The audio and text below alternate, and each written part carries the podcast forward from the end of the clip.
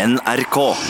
Dag Falk Petersen vokste opp rett under innflyvningen til Bodø lufthavn og sto storøyd og fascinert og så på flyene som landet og lettet. I dag er han konsernsjef i Avinor, som eier de fleste flyplassene i landet. Er han en mann fullstendig uten flyskam?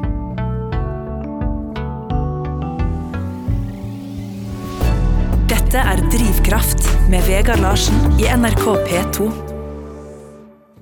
Dag Falk Petersen, hjertelig velkommen til Drivkraft.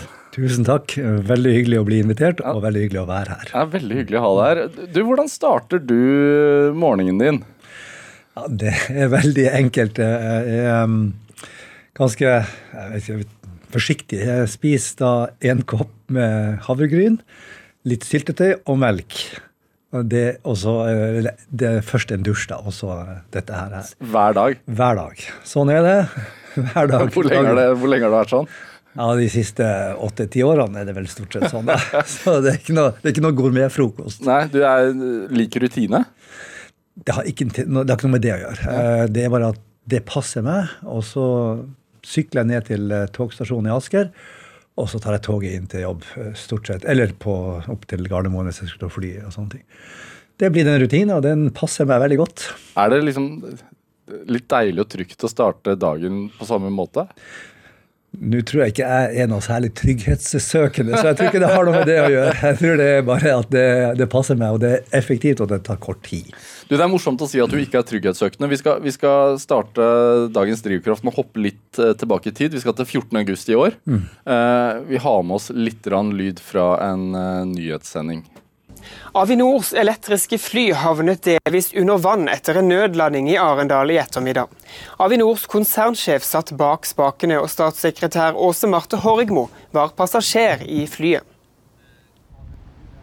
Det var like før klokken tre i dag ettermiddag at politiet i Agder mottok melding fra tårnet på Arendal lufthavn Gullknapp om at et mikrofly hadde gått ned. Og Da blir etter hvert da flykroppen lokalisert eh, til det stedet som vi står nå.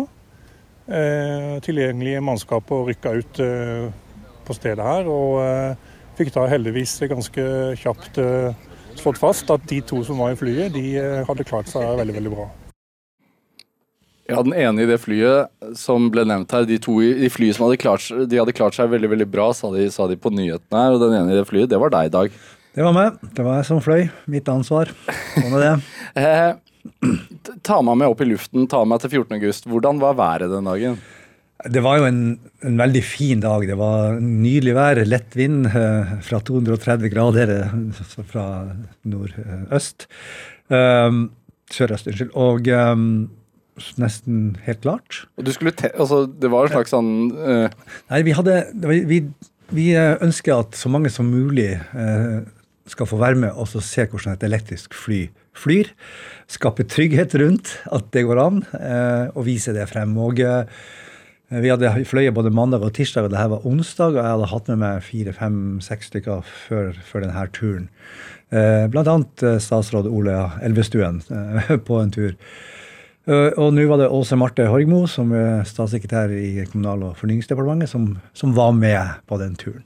Så var det som å vise eh, de som bestemmer hva, hva dette her er for noe. Ja, ikke bare de som bestemmer. Vi har hatt med miljøorganisasjoner. vi har hatt med, altså, Det vi ønsker, det er jo at samfunnet skal se at vi står foran en revolusjon når det gjelder luftfart.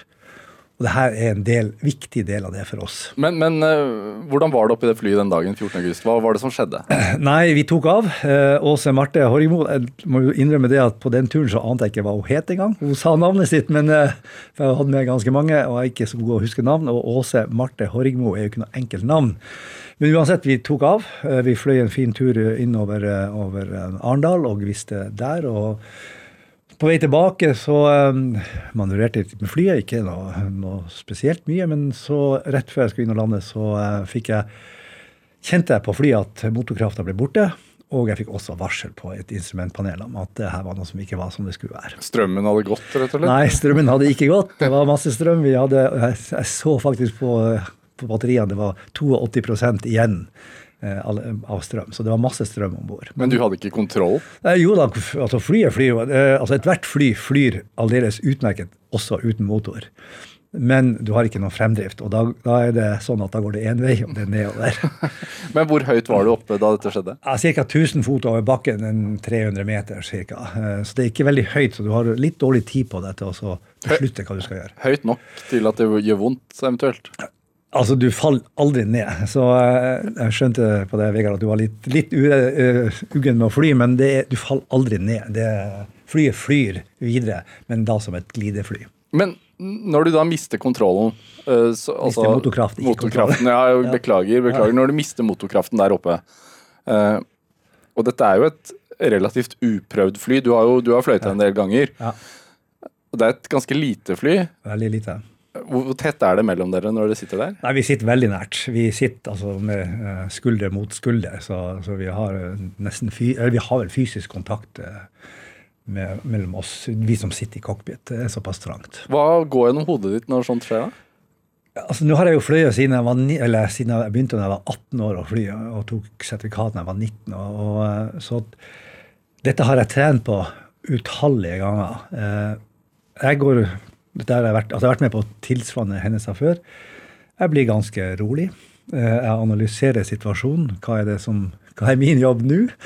Hvilke alternativ har jeg? Og det, det, er ikke sånn at man gjør noen sånn sikker jobbanalyse, det, det er ikke det. Men veldig raskt bestemme meg for hva, hva er mine opsjoner nå. Og eh, det jeg gjorde der, var også finne en plass å sette ned flyet uten motor. For jeg nådde ikke frem til Gullknapp, som flyplassen i Arendal heter. Det, det, så jeg med en gang. Men det, var det rent flaks at det var et vann der? Nei. Eh, Nå baserer jeg ikke livet mitt på flaks. Eh, da hadde jeg nok ikke vært der. Eh, så jeg følger hele tida med hva er mulige landingsplasser. Og det, er, det jeg hadde sett ut, det var et lite jorde et lite skogholt og et lite vann.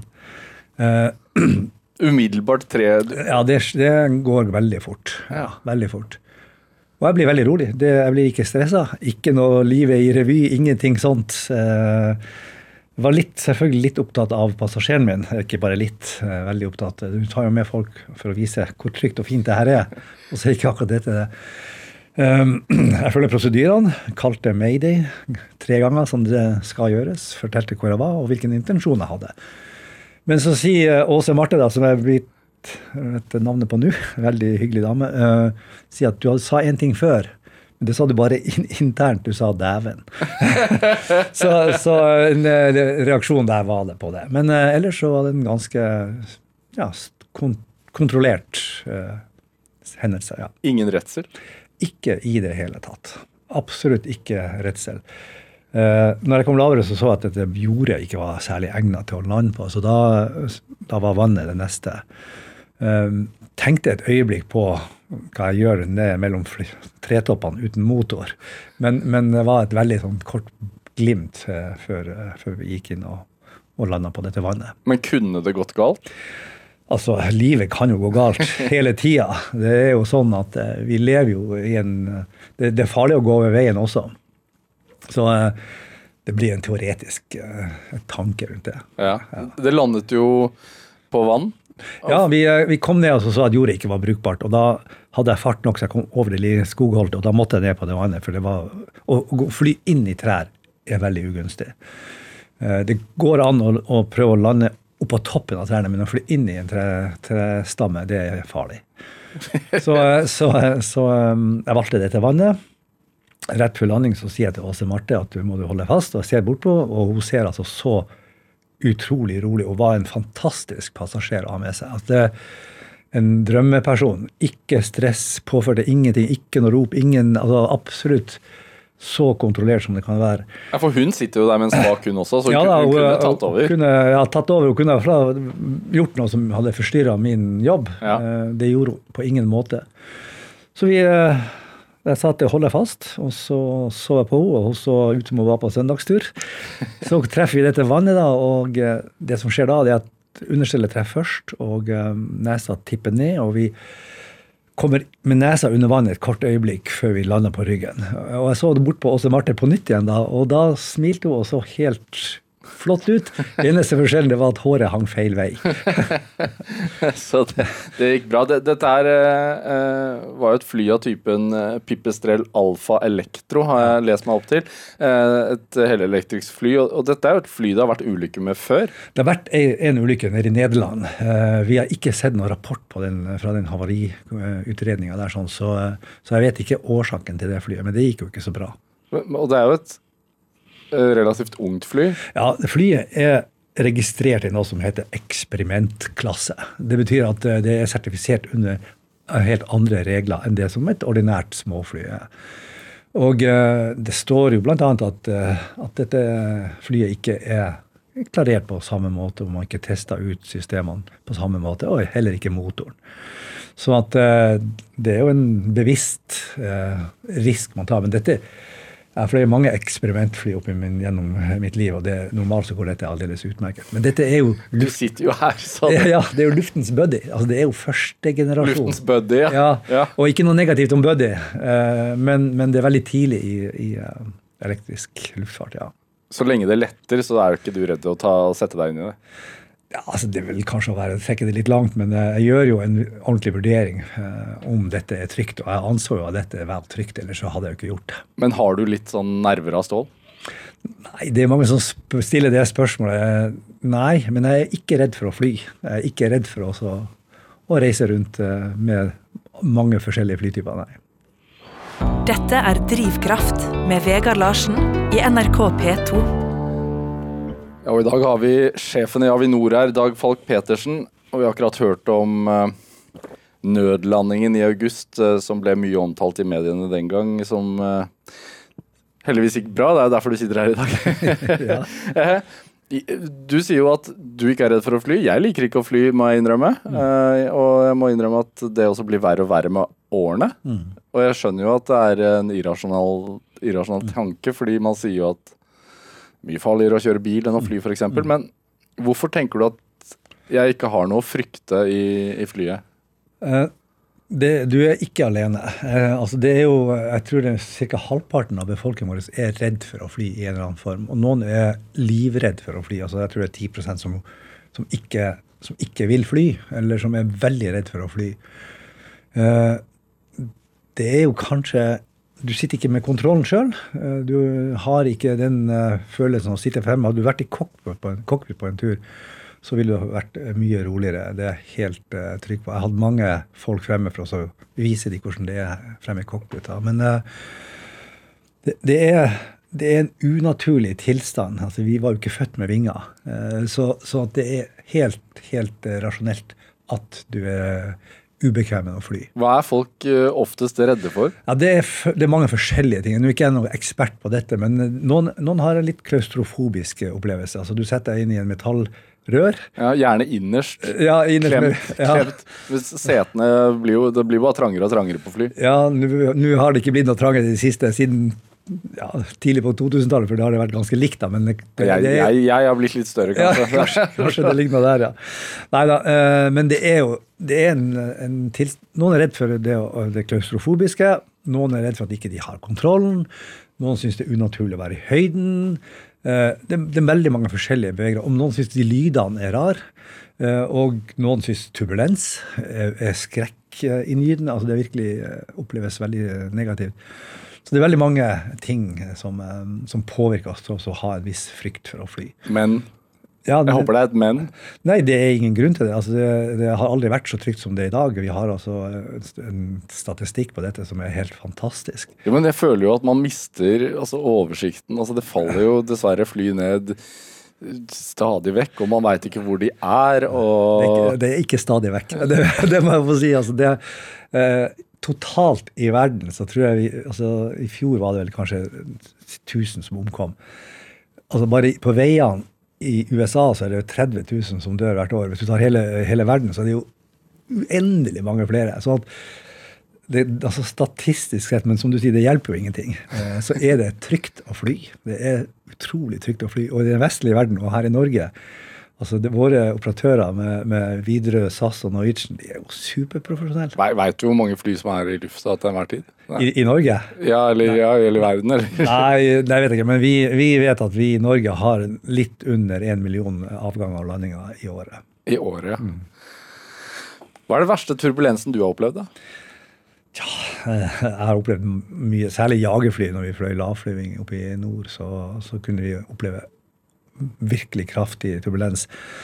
Um, så der har jeg hatt det verste. Men kanskje den plassen hvor det har vært mest krevende, det var på vei inn til Bangkok med, en Boeing 767, hvor vi kom inn i et vanvittig uvær. Uh, og det er jo fascinerende å sitte og se ut på vingene som beveger seg ganske så formidabelt opp og ned. Eh, men det går veldig bra. Men hvordan Altså da er det sånn at altså Ja, ja, hele flyet rister jo da, og, og, og, hvis du ikke holder deg fast, så er du i taket det ene øyeblikket og på gulvet neste øyeblikk. Så. Men da, du, er, du, var ikke redd da engang? Nei, ikke redd da engang. men, men altså, for all del er jeg også berørt av ting. Ja. Så ikke, jeg er ikke noe fryktløs person. Merker at uh neste gang jeg eventuelt skal fly, så vil jeg booke deg til som sidepassasjer. men kanskje du vil være med i elflyet? Vi har det nede og håper å få det reparert. ja, det, så, det, det, som har nødlandet, er blitt reparert, ja. ja. Det eneste problemet er jo at det er en maksvekt på disse, dette elflyet. Ja. Altså, det er jo registrert maks totalvekt er 560 kilo. Ja, da er jeg under det. Eh, det var ikke, da var ikke du alene som skulle stå for den vekta. Men uh, når vi bestilte dette flyet, så måtte jeg jo avklare dette med både med styreleder og med, med statsråd Ketil Sovik-Olsen. Uh, som da var statsråd. Og um, det var selvfølgelig go. De har støtta dette veldig, veldig sterkt. Uh, Eh, men eh, så tilbød jo da statsråden å være med på første offisielle flyturen her i Norge. Og han er jo en stor kar, høy, og på den tida var han også litt, litt kraftig, da. Og vår totale vekt sammen kunne maks være 180 kg. Okay. og, og, jeg veide da 83, så jeg sendte en SMS og sa at jeg veier 83, jeg har ingen intensjon om å slanke meg. Jeg lurer på om han var interessert i å være med. Så han slanka seg. Han sa ja. Han slanka seg, tror jeg var 12 kilo. så det gikk veldig fint. Han var nødt til å slanke seg inn i flyet. Men det, du er fremdeles 83? Ja, 82. Ja, ok, Men da, da, kan jeg, da, kan jeg, trygt være med i forhold til vekt, altså. Ja, ja. Um, har, vi, har, vi, en avtale, da? Nei, dette får vi prate om siden. Først skal vi gjennom denne samtalen, så får vi se. Uh, men altså, jeg har lest om dette med turbulens, fordi um, altså Universitetet i Reading eh, har gjort en eh, forskning på dette her og vist at eh, tilfellene med kraftig turbulens vil øke med 149% i åra fremover pga. klimaforandring. Hvordan påvirker dette flyreisende, tenker du? Jeg tror i veldig liten grad. Altså, det er veldig sjelden at vi er begrensa av turbulens, og vi har gode varslinger på det. Det som nok kommer, det er at vi får bedre varslingsutstyr. for vi har vi har utstyr eh, som, som, kan se turbulens. Ja, hvordan, hvordan, funker det? Ja, altså det, det, som vi har brukt nå i forbindelse med noen nye flyplasser vi eventuelt skal bygge, så, så er det, altså det er en laser. Det heter LIDAR, dette systemet. Laser eh, som går ut og, og måler da for Det er alltid litt partikler i lufta. Og så måles eh, bevegelsen på disse partiklene av denne laseren. Som gir oss veldig god turbulensvarsel. Og så forsøker man å fly utenom? Da? Ja, da flyr vi utenom. ja. Mm. For det er jo noen ganger man hører fra cockpit at uh, beklager. Kom ja. og, det, Vi visste ikke om dette her. Nei, det, men det, det, der finnes det utstyr som kan, eh, som kan uh, monteres på fly. Ja. Uh, du, du, har jo uttalt at om ganske kort tid, altså 2025 Vi begynte jo denne samtalen med å prate om elektrisk fly, og, og at i 2025 så, så kan man kjøre helelektrisk eller hybridelektriske fly i norsk rutetrafikk. Mm. Uh, og så tenker jeg sånn når Avinor-sjefen selv er nødt til å nødlande så jeg, jeg, jeg, blir jo litt skeptisk, da. Ja, men det har du ingen grunn til. Uh, jeg kan uh, si det, altså det som Jeg får det spørsmålet også. man har rekkeviddeangst og hvor god er en elektrisk flymaskin og sånne ting. en gassturbin som brukes på på jetfly i dag, eller på, også på turbopropfly, er en avansert uh, innretning. En elektromotor er mye enklere. Både å produsere og vedlikeholde. Uh, og uh, det er sannsynlig at uh, de elektriske flyene får flere enn to motorer. Kanskje, kanskje opptil 10-20 motorer spredd utover vingen, for at det er mest hensiktsmessig. Sånn at sikkerheten kommer etter alle solemerker til å bli bedre faktisk eh, kanskje langt bedre. Men det vi har sagt, er at det skal ikke bli dårligere. Men er det snakk om, altså i 2025 er det snakk om Innlandet først, ja. eller? Hvilke distanser er det snakk om? Nei, Det er jo de korteste. Og Widerøe har jo virkelig tatt denne her ballen. Altså Vi i Avinor eh, driver lufthavnene, og vi skal ha infrastrukturen på plass og ladesystemer på plass. Grunnen til at vi har begynt tidlig, det var at ja, spør det, det spørsmålet stilles jo. Det var jo at ingen andre tok initiativ. Og vi i Avinor har jobba med, med, bærekraft veldig lenge. Mye, mye lenger enn jeg har vært her. Biofuel har vært et alternativ, eneste alternativ til fossilt brennstoff, og så kom elektriske fly. Så vi har jo vært gjennom alt dette og studert hva er det som er fremtida, hva vi kan vi få til. Men videre har vi nå tatt ballen så fantastisk bra og har jo virkelig eh, et program. Og jeg skal ha møte med Stein Nilsen, som er sjef i Widerøe, nå neste uke. Hvordan vi skal jobbe felles for å få dette i drift. Og han er, har veldig store ambisjoner. Og det er de korteste rutene. Altså Bodø-Røst kanskje med ti passasjerer en 20, kvarter 20 minutters flytid. Men kan man, kan, blir det elektriske fly som, som, kan fly 120 passasjerer fra ja. Oslo til Tromsø, liksom? Ja, Airbus sier at de skal kunne fly 100 passasjerer 100 mil innen 2030. Ja, for jeg tenker jo sånn elektrisk bil De påstår jo ofte, da, de som uh, lager disse bilene, at mm. de har så og så lang rekkevidde. Men de har jo aldri det. Så det er litt synd da hvis eh, flyprodusenten påstår noe, og så merker man at 100 mil, ja nei, det var bare 80 fordi at det var litt kaldt den morgenen. Og så. Får du, da får vi ha pedaler hvor du kan eh, lage en generator om bord. Nei, men det, det, er jo helt andre eh, regler for å sertifisere et fly enn en bil, så, så du kan være helt trygg. Men, du kan være helt trygg. Det kommer ikke til å bli flyving med dette med passasjerer før du er sikker på at det går bra. Det å kjøre en elektrisk buss eller en elektrisk bil er jo merkbart forskjellig enn en, en bensindrevet eller dieseldrevet bil eller buss. Fordi den er jo mye mer behagelig å sitte i pga. stillhet. Ja. Merker man noe forskjell på fly? Absolutt. Absolutt. Og når vi skulle sertifisere dette lille flyet Eh, oppe på Eggemoen, faktisk, og fløy med en konvensjonell flymaskin og dette her, så klarte ikke å se, klarte ikke å måle støy fra elflyet. Altså, klarte ikke å måle støy engang. Så vi får lavere støy både ute og inne i flyet. Eh, det er null utslipp.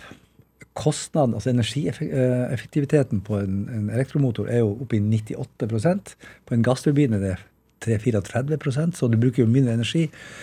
Og Airbus sier at du skal også bruke kortere rullebaner.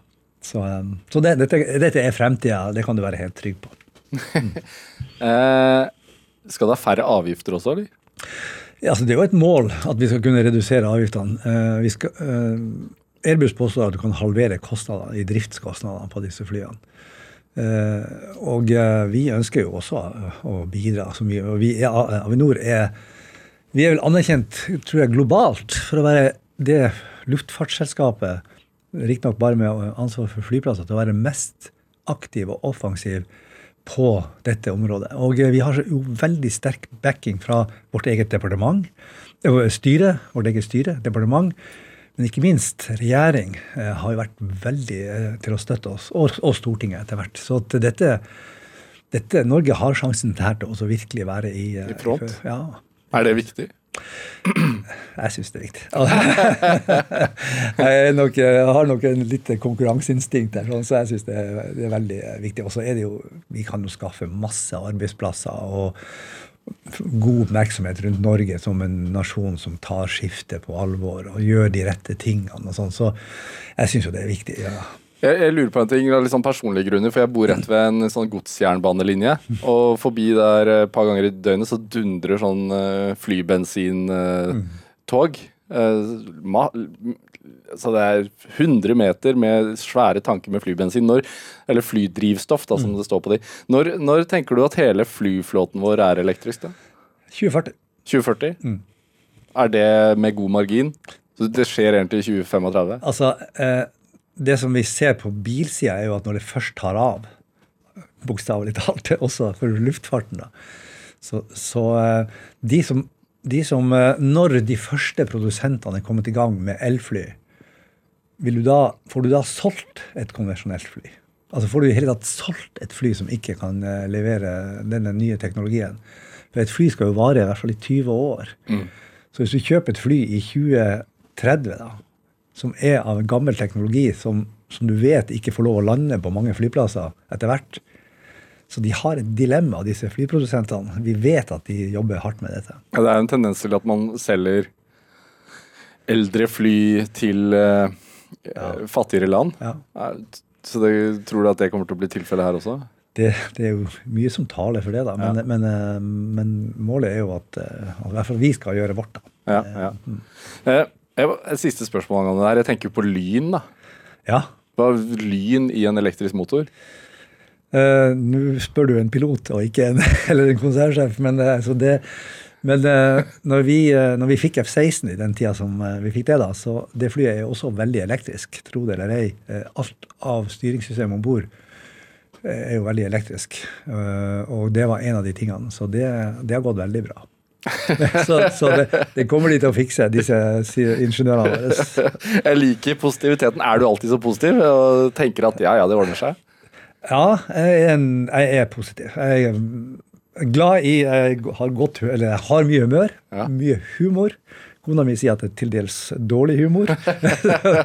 og vi har vært gift nå i snart 40 år, så, så um, det, det, sier min kone òg, så jeg tror det bare er sånn uh.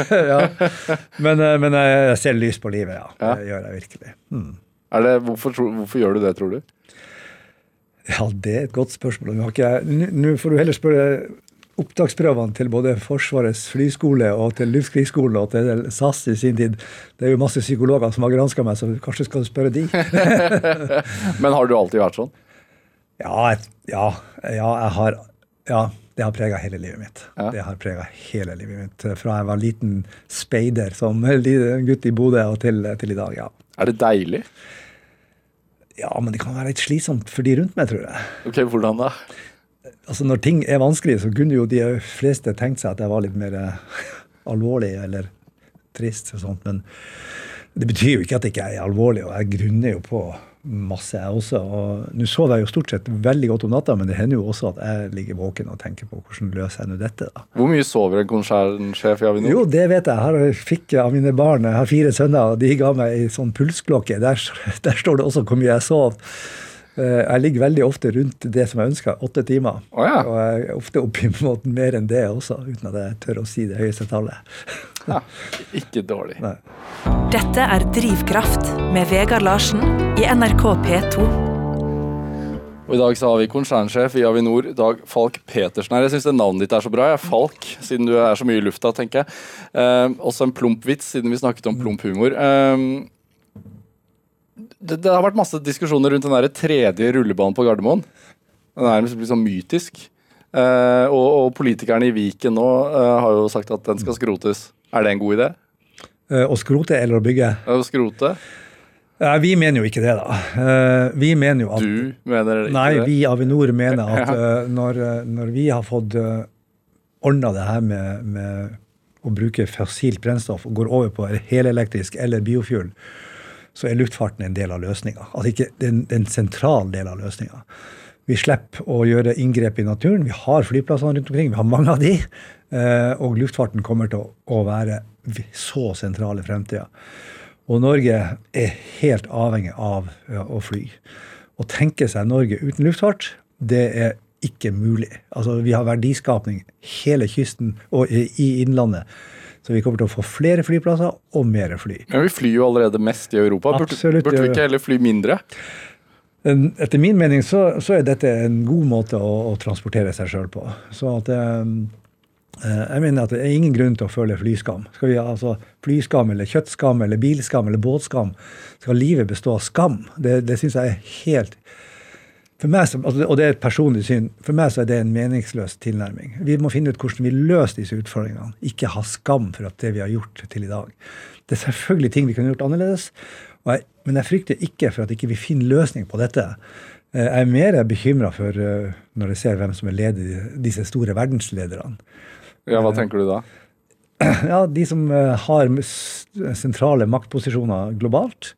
Det de gjør, ikke rundt transport, men generelt sett. Hvis vi hadde fått uh, lov å utvikle luftfarten sånn som Eller vi kommer til å utvikle luftfarten. Så er luftfarten løsninga. Veldig, veldig effektivt transportmiddel og veldig lite inngrep i naturen.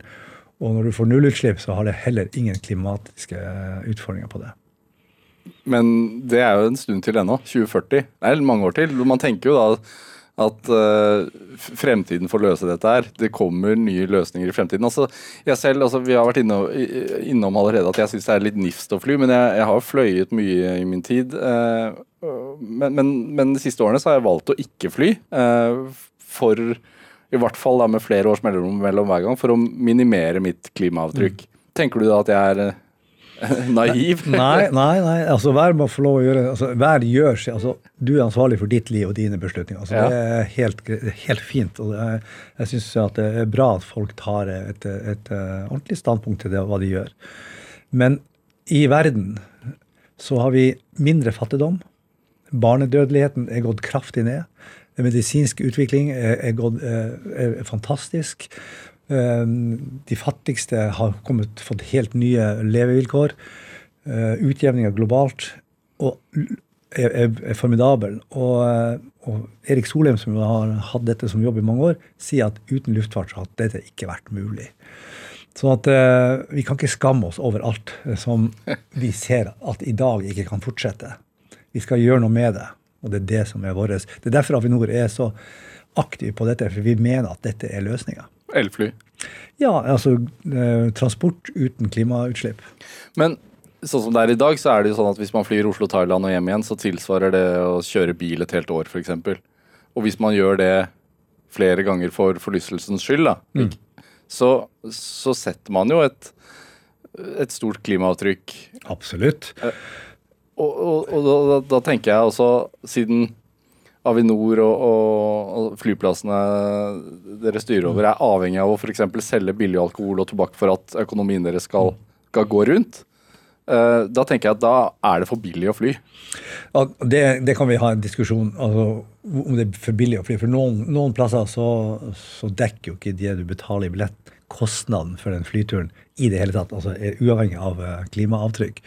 Så det er en litt annen diskusjon. Og, og det med at vi bruker alkohol som, eh, for å, drive lufthavnene våre uh, det taxfree-salget, ja, da? Det er ca. 10% av våre inntekter. Viktige 10% men, men dog. Uh, det gjør at hele Norges uh, luftfartssystem kan fungere. At det kan være flyplasser i Hasvik, Berlevåg, Båtsfjord, Mehamn, uh, Florø, Førde, alt sammen. Det henger sammen. Altså, dette er ikke penger som går i lomma på noen. Det går til Eh, per eller, eller, Beate som skal ut og, og, på jobbtur eh, i medisinfirmaet sitt i eh, Sogndal eller hvor det måtte være, eller Sandane. Så, så, dette er helt nødvendig for at vi skal ha et velfungerende samfunn. Så, så du kan selvfølgelig diskutere om, om tre Thailand-turer i året er, er, noe særlig smart. Men det gjør jo at de som er i Thailand, også får et levebrød. Også kan videreutvikle sitt land. Så det, det henger sammen. Ja, tenker du at Eh, flybransjen får uh, urimelig mer kritikk i forhold til f.eks. For klesbransjen og sånne ting, hvis man ser på totalutslipp og miljøet? Jeg er ikke, jeg er ikke så opptatt av den fordelinga der, sånn, men uh, kan du stille Nei, jeg skal ikke stille deg spørsmål, men, men, uh, jo, gjør det. Ja, da, men, men altså, i Norge så utgjør våre CO2-utslipp i Norge på rundt 2 eh, Hvis du tar med all utenlandstrafikk, så er vi oppe i 5% av det totale utslippet. Det er jo Og så kommer alt i tillegg, da?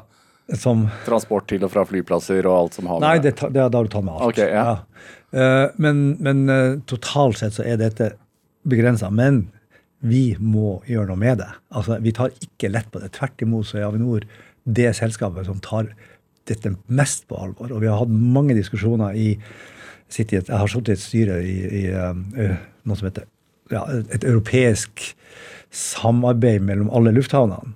Og Avinor har virkelig ledelsen der sånn for å få dette klimaspørsmålet på agendaen. Og vi har, jeg vi har endra retninga på den, dette ACI der her helt det siste året. Hva mister dere hvis ikke den tredje rullebanen kommer, da? Altså, Tredje rullebane den skal bygges når vi har behov for det. Det er ikke i morgen, det er ikke i overmorgen eller de neste fem årene. At, eh, men vi mener at det er en klok beslutning å, å legge til rette for det. Og så vil utbygginga skje, og det er jo Stortinget som beslutter det, da, når den tid kommer.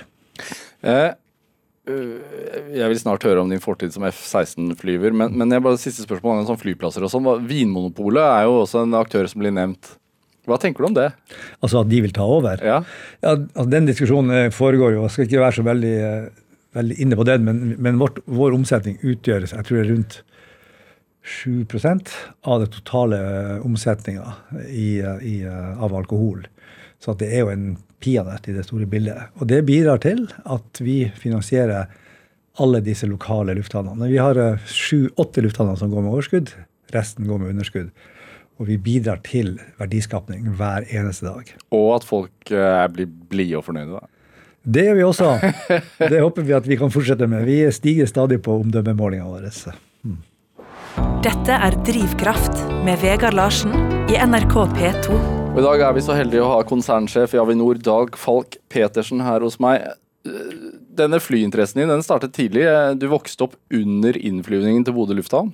Ja da. Eh, det var det, det her var jo tida hvor det var, det var før F-16 også. Og det var rett under innflyvinga. Du så flyene? Ja, så flyene. Og drømmen vei veldig tidlig av å bli pilot. Og når andre laga snøhule eller snø, så laga jeg snøfly. Og er, det, er det sant? Ja da, Og så ja. et lite kosteskaft oppi der. Og, og drømte meg bort. Du, du er flynerd? Mange vil nok si det. altså Jeg syns kanskje ikke sjøl jeg er det. men... Syns kona di du er det, eller? Altså, når jeg, Nå leser jeg ikke så mye flyblad lenger, men det gjorde jeg da jeg var litt yngre. og så, så Jeg syns disse flyblad Tenk deg, Dag, hvis, hvis, eh, hvis, du skulle lese franske strikkeoppskrifter. så uinteressant syns hun det var. Men jeg, jeg, jeg kan mye om flya. Det, men hvilke flytyper er favorittene, da? Altså, jeg, hadde, jeg, fløy, ja, altså, jeg fløy I Forsvaret så fløy jeg særlig F-104 Starfighter, som jo var kalt a man missile. altså Det er en flymaskin med veldig små vinger. Men det er også kalt Widowmaker, eh, for det var veldig mange som omkom, særlig i Tyskland. Og i Norge mista vi 30% av flyene, så det var, det var, ikke noe enkel flymaskin. Men, men den syns jeg var en fantastisk maskin å fly. Men så er jo F-16 er jo et fantastisk fly. altså det, Når det kom, det var et sånn stort kvantesprang i eh, både teknologi og måten du fløy på. og Det å sitte i en sånn det, Du sitter jo oppå flyet, ikke inni flyet, som de gjorde de gamle jagerflyene. Så hvis du føler at du er på toppen av verden, så tror jeg det, det må være en god beskrivelse når du sitter her. Men går det an, altså Føler man seg som en kule? Altså Nei, altså Når du sitter her, du, du føler at du Altså, for det første, for, for, en som er glad i å fly, så det, har du vunnet Lotto og tipping og julaften og, og, alt sammen samtidig. Og så, når du da, Første turen min da jeg satt der oppe, og, og den canopyen På de andre flyene så måtte man manuelt ta det ned, men her så var det sånn elektrisk, så bare bzz, så kom canopyen ned. Og så, altså taket, liksom? Ja, ja glass, glasskuppelen ja. over. Ja. Og så sitter du og så ser du rundt deg og ser alt. Og du kan snu deg og se bak flyet.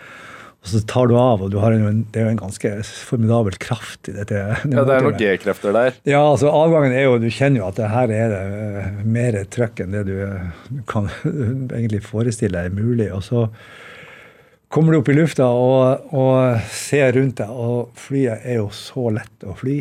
Så fantastisk oversiktlig. Uh, og, og, du tenker at altså, bedre blir det ikke. Det, det er nesten sånn ja, breathtaking uh, opplevelse. jeg må si det. Ja, for Du, du var i Luftkrigsskolen. Når, når, var dette her? Uh... Altså Flyskolen først. Det var, jeg begynte jo i Forsvaret, jeg tør ikke å si det nesten, men det var i 74. Og så var det flyskolen, og det tok tre år. Så var jeg ute på operativ skvadron. Uh, og så tok jeg da luft, og så da var det flere gammelt FM, som det heter da. Og så, og så tre år på Luftkrigsskolen. Og så Starfighter, og så F-16 da i 1982-3 fikk vi den. da. Hvor, hvor viktig eh, tror du det har vært for deg i livet ditt at du, at du kom inn der? Ja, Det har vært helt avgjørende. Altså det, det, det, når jeg søkte flyskolen det var jo mange som søker den. Og, og, og, det er nåløye? Ja, det er et lite, lite nåløye. Og jeg var jo veldig lite sikker på at jeg var ganske sikker på at dette ikke ikke, ikke, gikk. Det var ikke mye høy i hatten, var ikke det? Så, det, var ikke, det, var ikke, det, var ikke, noe særlig uh, selvtillit der. Så. Men jeg fikk da til slutt komme gjennom. altså Gleden var formidabel. Men det la jo karrieren min Fra da og ut så har det jo dreid seg om fly. Hele tida. Natt og dag. Unnskyld. Jeg må også si pluss en fantastisk kone og, og, fire, og fire barn. Så jeg må, jeg må, passe på så jeg ikke ja, glemmer ja. glem det. Barna dine sitter og hører på, jeg har hørt, så det er, det er en viktig, viktig ja, de, understreking. De skulle høre på, ja. Eh, men, men, som ung mann da, også, og jagerflypilot også, Min erfaring er jo det jeg har sett gjennom film, og da tenker jeg blir du litt sånn Maverick i Top Gun. Hadde du pilotbriller? Altså det, vi fikk jo utlevert det, så, ja. så, men jeg brukte jo ikke pilotbriller. Det, altså vi brukte det i Statene hvor det var mye, mye, sol, men hjemme så fløy vi jo med hjelm og, og, og visir. Det, og jeg brukte ikke de Jeg gikk ikke rundt i byen med pilotbriller og, og prøvde å se kul ut. Eh, hvis det var det som var Men var det stas, litt stas ja, ja, når noen spurte hva du gjorde? Så Selvfølgelig. Altså jeg er stolt av yrket mitt. Eh, det, men, men fra barndommen så var jeg en lagspiller. altså Jeg drev aldri med idrett som hadde bare med meg sjøl å gjøre. altså Jeg løp ikke alene, eller, eller, at det var det som drev meg. Var, jeg var speider, og jeg jobba som asfalt, jeg kjørte asfaltutlegger når jeg hadde, når jeg hadde fritid og, og sommerferiene. Og, og, det var lag hele tida. Og så ble du utdanna som jagerpilot, og ble jo dyrka da som det. Ja, som ja, ja, ja, som en ener. ja, og, og liksom. Så kom jeg på Luftfartsskolen, da, hvor jeg var flere, flere fagmiljøer. Det var en fantastisk gjeng. De fikk jekka meg ned. Eller oss som da var piloter. Eller jekka oss ned. Men de fikk i hvert fall sagt at, eh, og lært oss, og her er de evig takknemlige, at team gjelder i alle sammenhenger. Hvordan lærte de det? Ja, det, det var ganske direkte tilbakemeldinger. Altså, hør her. Vi er et team, alle sammen er nødvendig for at det skal bli en suksess. Og selvfølgelig er det sånn. Og så er det jo noe som er urettferdig. altså Jeg hadde jo gleden av å jobbe i et helikopterselskap også en stund som administrerende direktør der. Eh, og i SAS og i Forsvaret. Og, og eh, pilotene ble jo alltid fremheva, men de bakkemannskapene, de teknikerne som skrudde disse flyene og helikoptrene fra hverandre og sammen igjen, de er altså så fantastisk dyktige og så jeg har en sånn dyp respekt for, eh, for, hele maskineriet som skal til for at det her blir bra.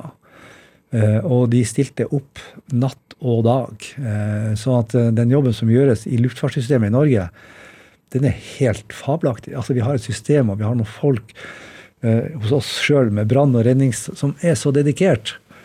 Så det her med teamet og gruppetilhørigheten, den har, har trigga meg i alle år. Altså virkelig, Det driver meg frem til å jobbe veldig mye. Ja, for, for meg som er passasjer, så, så, må jeg jo innrømme at jeg er veldig opptatt av at mekanikerne er glad i jobben sin. Det, og, det, og de er så flinke.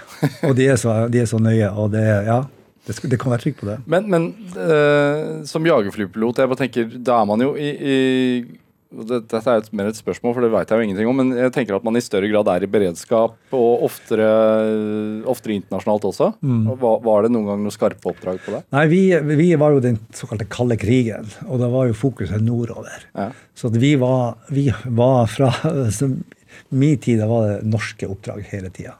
Eh, vi var selvfølgelig i, eh, i internasjonale øvelser rundt omkring i verden, eh, men, men aldri i skarpe oppdrag. Det kom seinere. Men F-16 var jo et relativt nytt fly. Ja, det var det. Og folk eh, klarte vel dessverre ikke å håndtere det godt nok i starten? Altså det, som du sier, det var relativt nytt, men, men vi kommer fra en kultur altså Etterkrigstida var jo ikke ja, var jo noen år, da, men det bygde seg jo opp en bedre og bedre kultur etter hvert. Og eh, vi hadde jo en god del eh, fatale uhell i min tid. Eh, også etter meg. Men jeg tror det sist... Ja, Mens du var der? Ja, ja. Mange, jeg mista mange av mine gode venner. Og, det, det, det, har prega meg også. altså Sitte i begravelsene og, og, og, se enka etter en som, som har havarert. Det er en forferdelig opplevelse. Det, og, og, de som har vært nærmest berørt, det, det er veldig, veldig trist. Men, men så har jo Forsvaret profesjonalisert seg noe voldsomt. og jeg tror ikke de har mista et jagerfly siden 89. Altså Det er i hvert fall veldig lenge siden. Ja. Så de har blitt eh, flinkere enn det vi var. Men, men, du skulle jo likevel altså, Når man mister noen nære, og så skal man opp i det samme flyet igjen selv, ja. hva, hva, tenker man da? Nei, For meg var det helt uproblematisk. Men det var jo noen av mine kollegaer som, som ikke ville fly mer. Så, eh, men jeg har aldri hatt Altså, jeg, har, jeg ser meg ikke bakover. Det, det går veldig bra. Hvordan er det å være jagerflypilot, og så skal man plutselig begynne å fly rutefly for SAS? Det var en stor nedtur. Jeg må jo innrømme det at det var, jeg, jeg slutta. Da den beslutninga jeg tok der, var ikke drevet av min personlige drivkraft. Det var for at alle rundt meg slutta. Det var en tid hvor SAS og Bråtens hadde store behov. Og jeg valgte å slutte, jeg også. Og de første to årene så tenkte jeg at dette var feil. Så jeg var faktisk på vei tilbake til Forsvaret. Men så ble det ikke sånn, og, og, jeg er veldig takknemlig for det. da. Jeg var jo 24 år i SAS og ett år i helikopterservice, COC helikopterservice, og, og nå i Avinor, så jeg har hatt en fantastisk tid i det sivile livet. Hvordan merker du at uh, det å fly har forandret seg på de, altså bare på de 24 årene du var i SAS? Altså Det er jo blitt veldig mye mer konkurranseutsatt. Kunne man fremdeles røyke i fly da du ja. var pilot? Jeg har, aldri, jeg har personlig aldri røykt. Så kommer jeg inn i en liten cockpit, og jeg fløy DC9 til å begynne med. da. Og den er liten. altså Du sitter jo også der veldig tett. Og da, som, som ikke-røyker, å ha en sånn Der var jeg styrmann da, altså en kaptein som satt og kjederøkte. Ja, en prøvelse. Så jeg hadde jo airconditionanlegget på full blest mot meg sjøl hele tida for å overleve det.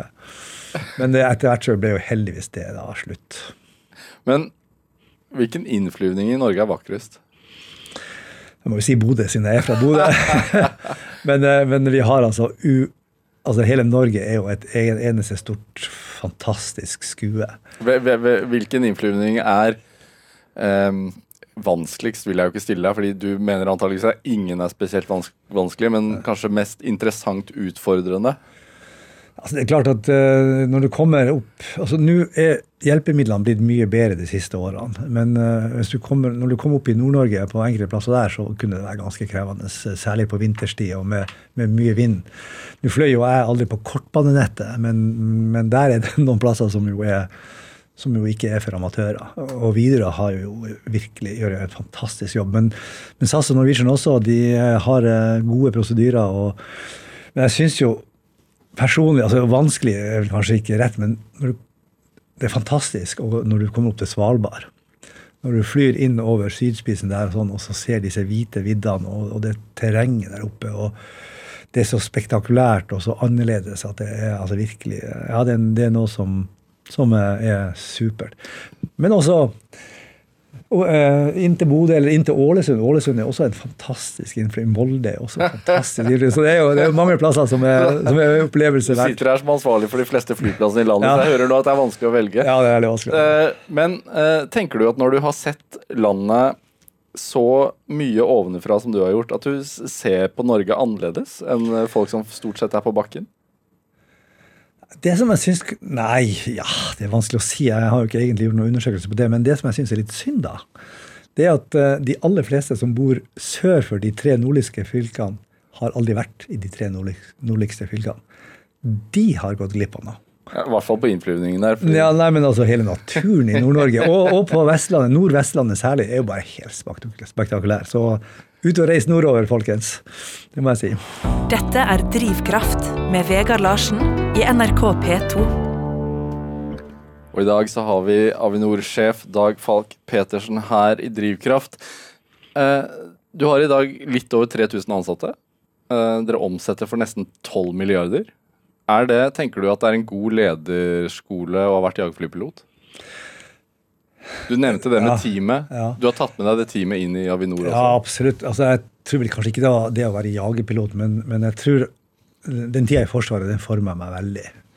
Jeg må si det, og jeg er veldig opptatt av Forsvaret den dag i dag. Og det å forsvare Norge er for oss og for meg veldig sentralt. Men jeg tror det er en teamfølelsen. Også, og det er en ting som jeg, som jeg kjenner veldig på, det er at respekten for alle sin jobb er utrolig viktig for meg. Altså, det er ikke sånn at, eh, at noen har en høyere eller lavere verdi avhengig av hva de gjør. Alle er en del av det totale bildet. Det er ikke sånn at de som er ufør eller som ikke kan bidra i verdiskapning, ikke har en verdi. Eh, vi skal bidra til at de får et godt liv, de også. Og det, det å ta vare på absolutt det fantastiske samfunnet vi har, det har også forma meg veldig sterkt. Men teamfølelsen min, team, vinne, å vinne med teamet Og da prater jeg ikke om fire eller ti, eller noe sånt, da prater jeg om for meg da nå Avinor. Det å flytte Avinor til å være et selskap som alle ønsker å bruke, ønsker å ha. med alle våre ansatte, det, har vært, det kjenner jeg veldig på. Jeg kjenner veldig på det. Er det. Tenker du at det er en fordel at det er statseid? Altså, jeg tror, vi har jo, Det er jo langt på vei monopol, selv om ikke det er helt monopol. Jeg tror at det er bedre å ha et statlig monopol enn et privat monopol. For hvis du selger en flyplass, så vi ser Det er jo mange sånne nede i Europa. Og da, da, er det utbytte til private aktører. Eh, og nå så går utbyttet Vi betaler en halv milliard i utbytte i året. Det går tilbake til statskassa og kan finansiere skoler og veier og, og, og NRK og sånne ting. Så, så at eh, Nei, jeg, jeg, jeg, tror at det er en god modell vi har i Norge, ja. Hvorfor Altså, du liker deg jo tydeligvis i cockpit. Fremst i flyet, på toppen av i, i firmaet. Hva, hvorfor det? Jeg liker veldig godt å kunne påvirke. Eh, altså Noen sier å ha makt. Eh, det er klart at Når du kommer i sånne posisjoner, så har du makt. Men hvis du ikke bruker makta rett, så blir det helt feil. Da blir du diktator. Nei, Jeg liker å påvirke og skape resultat. Jeg er veldig glad for å ha fått den muligheten. Veldig takknemlig, fordi altså, jeg har jo ikke alltid vært på toppen. Jeg har, alltid, har jo alltid vært på vei en eller annen plass jeg likte å skape resultat. Og jeg har jo et konkurranseinstinkt, det, det må jeg jo innrømme. Så jeg hadde jo hata å se at, at, vi ikke hadde fått det til. da. Men, men er, det, er, det, en medfødt egenskap også, som man har med seg fra barndommen av, eller kan man lære å, å, å like å lede? Det er jo et, det er et ganske stort spørsmål. Eh, jeg har ikke noe sånn veldig entydig svar på det. men jeg jeg tror nok at, altså Noen spør meg hvordan får du suksess som leder. og Jeg tror det viktigste der det er hardt arbeid og det å like å lede. Du må gjøre begge delene. og Du må like å ta ansvar, ha ansvar og skape resultat. Men så må du også jobbe hardt. Det er, jo, det er jo dessverre den andre siden også. fordi jeg har hørt at um, Avinor er nødt til å redusere kostnader ja. fram mot 2021 og, med nesten en halv milliard. Mm. Og det er veldig mye penger. Og, og, dette er jo til tross for at dere som du sier, leverer et eh, relativt godt overskudd til eierne deres, som er, som er staten. Da. Hvordan, hvordan, påvirker det deg som sjef, og at dere muligens må nedbemanne? Nei, det er klart. Har, eh, det, er ikke noe, det er ikke noe stas. Nå forsøker vi med alle midler å gjøre det med naturlig avgang, eller at folk velger andre eh, alternativ frivillig. Så får vi se om, det holder. Men jeg var jo med på en kjempediger nedbemanning i SAS eh, og satt eh, ansikt til ansikt med mange titalls eh, piloter i godt voksen alder som hadde forsørgelsesbyrde, og som ikke hadde noe annet å gå til her i Norge. Og fortelle de at de måtte slutte, det er, en, det er knalltøft. Det er utrolig krevende, og du må forstå at de har det som verst tenkelig. Sånn at eh, det er ingen enkel sak. Og den som tror at det å, å spare penger er et, en øvelse på et Excel-ark, de skal aldri lede. Dette er individ. Det er du og meg eh, som skal eh, gjøre denne jobben. Og kun på den måten så får du det til. Men når det er staten som sitter som eier, og dere leverer et overskudd. Og når de da sier at det må kutte, så er det jo staten eventuelt som fører til nedbemanninger. Hvorfor, hvorfor, tror du at de har kommet med dette kravet? Ja, vi har faktisk ikke fått noe krav fra staten. Nei. Vi har tatt det sjøl. Altså, ja, så nei, ethvert godt firma, statlig eller kommunalt eller ellers privat, er nødt til å ta, tenke effektivitet og gjøre ting på en god måte. Også vi. Så vi har akkurat samme mål og krav på oss som alle andre. Vi skal gjøre det på en god måte. Det er jo, eh, Man hører jo om eh, for, i nabolandet vårt, Sverige f.eks., så, så flyr folk litt mindre. Uh, og flyskam er jo blitt et tema. Hva tenker du om fremtiden for flybransjen i Norge? Du, du er programforpliktet til å si at den er god, kanskje? Nei, ja, det, det, det kunne man tro, men eh, jeg mener at, som jeg sa tidligere, uh, luftfart er løsninga, ikke problemet. Vi skal bidra til at vi løser de klimautfordringene som vi har, Norge, staten Norge har, har gitt i Parisavtalen. Og da er luftfarten en del av løsninga. Så vi har en flott fremtid, og jeg skal bidra til det. Eh, elfly er jo én ting, men jeg hører jo også om sånn langdistansefly som kan ta fra London til Australia på fire timer og sånn. Sånn rakettmotorer opp ja. i atmosfæren. Når får vi se det på Gardermoen? Det tror jeg ikke vi får se på Gardermoen. Nei, du tror ikke noe på det? Nei. Nei. Men jeg trodde ikke noe på elfly heller, så det, det betyr ikke at jeg har rett. Eh, Vi nærmer oss slutten på denne timen, eh, Dag Falk Petersen. Jeg må stille spørsmålet som jeg alltid stiller. Hva, hva vil du si er drivkraften din? Jeg har et veldig sterkt ønske sammen med kollegaer eh, i, i hele verdikjeden å skape resultat. Å få til ting. Gjøre selskapet vårt eller teamet vårt til en suksess. Og det driver meg veldig frem. Jeg er veldig glad i familien min, jeg er veldig glad i å gå på tur og være ute i naturen. eh, Og jeg er veldig glad i mine kollegaer. Så, så det driver meg, i tillegg til humor. Eller humør og humor. Humor. Nei, og, så at eh, jeg er en positiv person som, eh, som ser lyst på livet og lyst på fremtida. Det er godt å høre. Tusen takk for at du var her i dag. Du, Jeg har et spørsmål her før vi avrunder, fordi eh, vi skal sette over til Nyhetslunsj straks. Og fikk en e-post der, fordi der skal du få høre mer om fly, nemlig. Eh, fordi amerikanske luftfartsmyndigheter har pålagt flyselskaper å sjekke fly av typen Boeing 737 etter at det er oppdaget sprekker i vingefestene.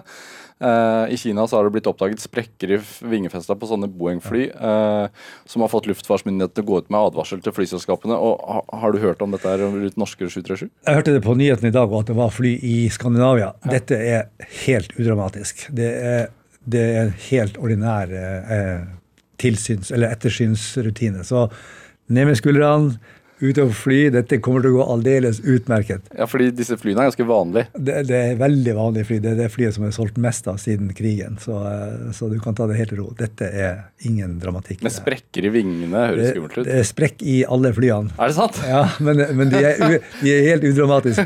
Det, så, det, så det er ikke slapp av, ned med skuldrene. Dette kommer til å gå aldeles utmerket. Ja, ok. Bra. Da fikk vi det avkreftet da, av Avinor-sjef Dag Pedersen. Ikke noe fare med 737-flyene. Um, du kan høre flere tidligere drivkraftsamtaler i NRK Radio på nett og app. Uh, og send gjerne forslag til gjester til drivkraft at nrk.no. Uh, Dag Pettersen, Pedersen, veldig hyggelig å ha deg her i Drivkraft. Og det har vært veldig hyggelig, og jeg kunne holdt på en time til, kjenner jeg. Veldig hyggelig. Takk skal du ha. En, en time går fort. Produsent i dag var uh, Amund Grepperud, tilbake fra sykdom. Hyggelig å ha deg tilbake, Amund. Jeg heter Vegard Larsen, og nå er det Dagsnytt på P2 etterfulgt av Nyhetslunsj.